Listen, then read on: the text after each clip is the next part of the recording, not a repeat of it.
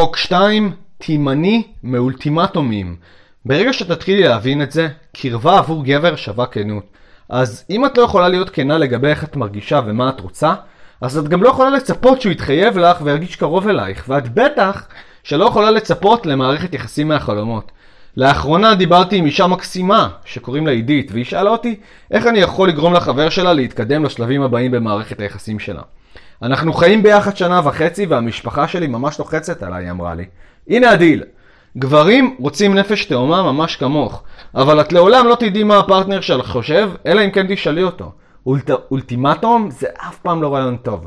בגלל שזה מגיע מפחד וספק, וזה מעורר לחץ, אשמה ומחויבות בקטע השלילי שלה. כאילו אתה צריך לעשות משהו, וכמה זה לא רומנטי ההרגשה הזאת. תתמודדי עם זה. גברים כבר בגיל צעיר לא אהבו שאימא שלהם ואבא שלהם אמרו להם מה ללבוש או מה לאכול. והם גם לא אוהבים שאת תתייחסי אליהם כמו אימא שלהם שהם בוגרים. אם את רוצה שהוא יאהב אותך ויצטרך אותך, להגיד לו איך הוא צריך להרגיש ומה הוא צריך לעשות לגבי זה, זה המהלך הכי גרוע שאת יכולה לעשות. אם התחייבת לגבי להיות פתוחה עם הרגשות שלך ולהיות כנה לגביהם, הסיכויים הם שאת בשלב שאת יכולה לשאול אותו ישר ולעניין מה הוא מרגיש כלפייך.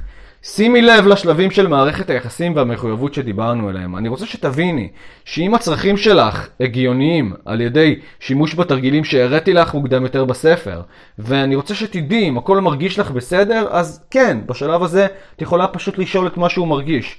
תזכרי, את לא יכולה להכריח אותו לאהוב אותך רק על ידי כך שתאמי לעזוב אם הוא לא מתיישר לפי הצרכים שלך. כל מה שאת צריכה לעשות זה להיות כנה איתו קודם. אם הוא לא יודע להגיד לך, או נראה לו בטוח, אז קיבלת תשובה.